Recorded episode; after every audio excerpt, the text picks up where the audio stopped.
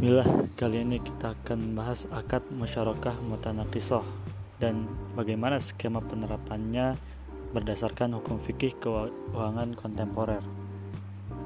Berikut penjelasan.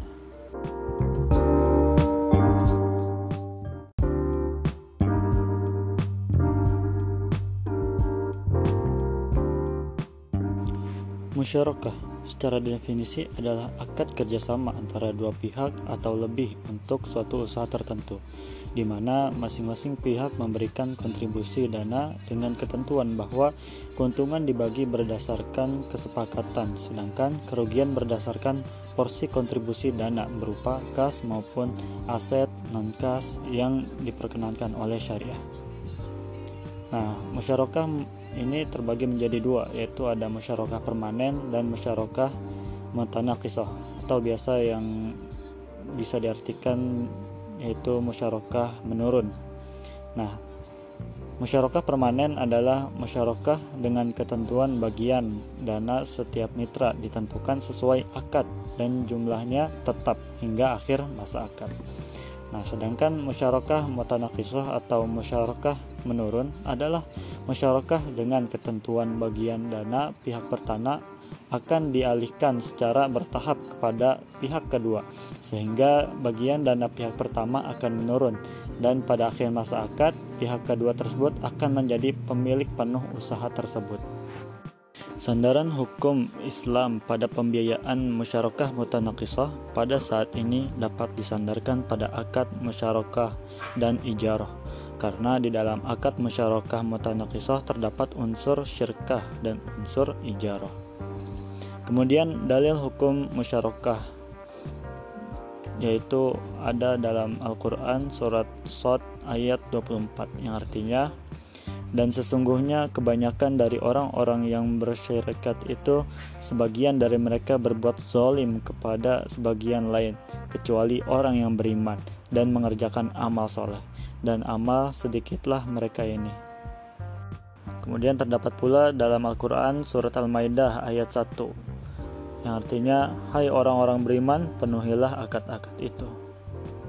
Adapun dalam hadis riwayat Abu Dawud dan Abu Hurairah Rasulullah Shallallahu Alaihi Wasallam bersabda Allah Subhanahu Wa Taala berfirman Aku adalah pihak ketiga dari dua orang yang bersyarikat selama salah satu pihak tidak mengkhianati pihak yang lain. Jika salah satu pihak telah berkhianat, aku keluar dari mereka. Hadis riwayat Abu Dawud yang disahihkan oleh Al-Hakim dan Abu Hurairah. Adapun kaidah fikih dalam akad musyarakah ini yaitu pada dasarnya semua bentuk muamalah boleh dilakukan kecuali ada dalil yang mengharamkannya.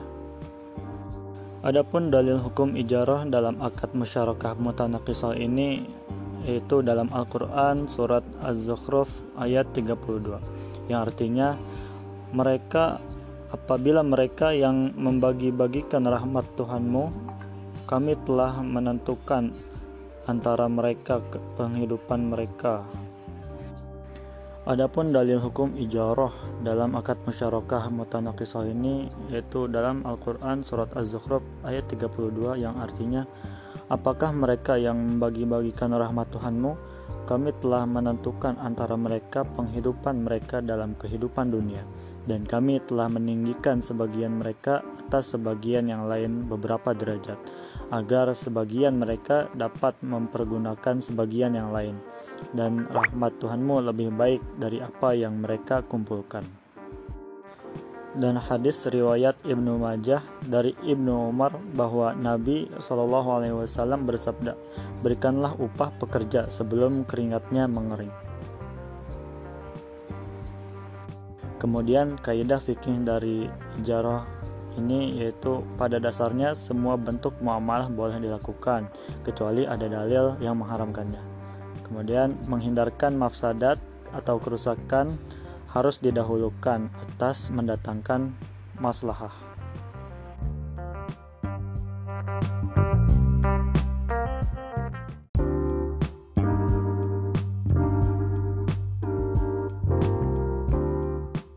Menurut Fatwa Dewan Syariah Nasional nomor 73 DSN MUI 2008 tentang musyarakah mutanakisah.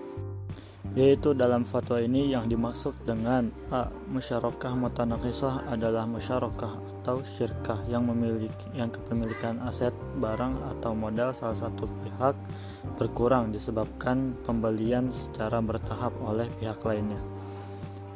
B. Syarik adalah mitra, yakni pihak yang melakukan akad syirkah. C. Hissah adalah porsi atau bagian syarik dalam kekayaan musyarakah yang bersifat musya D. Musya adalah porsi atau bagian syarik dalam kekayaan musyarakah milik bersama secara nilai dan tidak dapat ditentukan batasan-batasannya secara fisik. Adapun ketentuan hukum menurut DSN MUI eh, hukum musyarakah ini adalah boleh.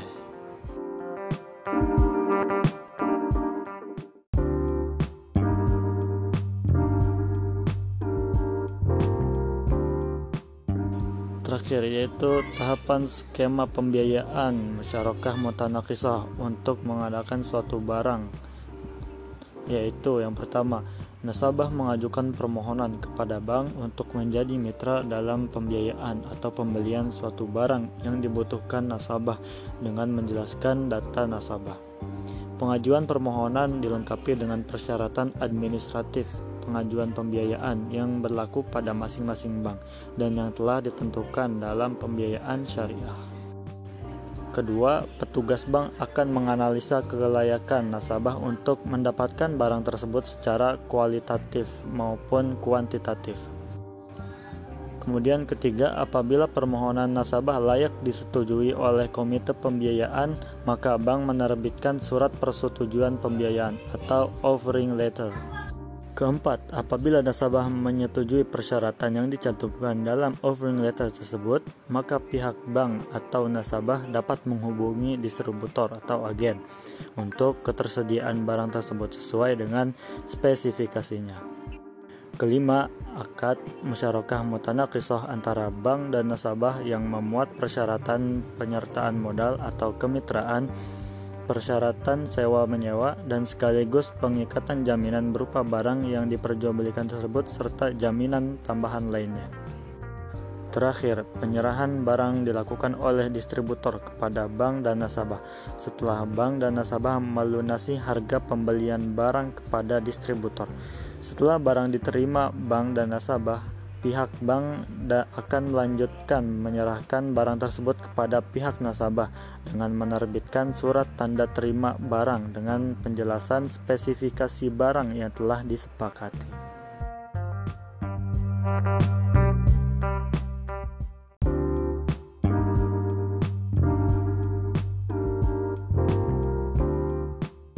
Selanjutnya, yang paling terakhir yaitu resiko yang timbul dalam musyarakah mutanakisah.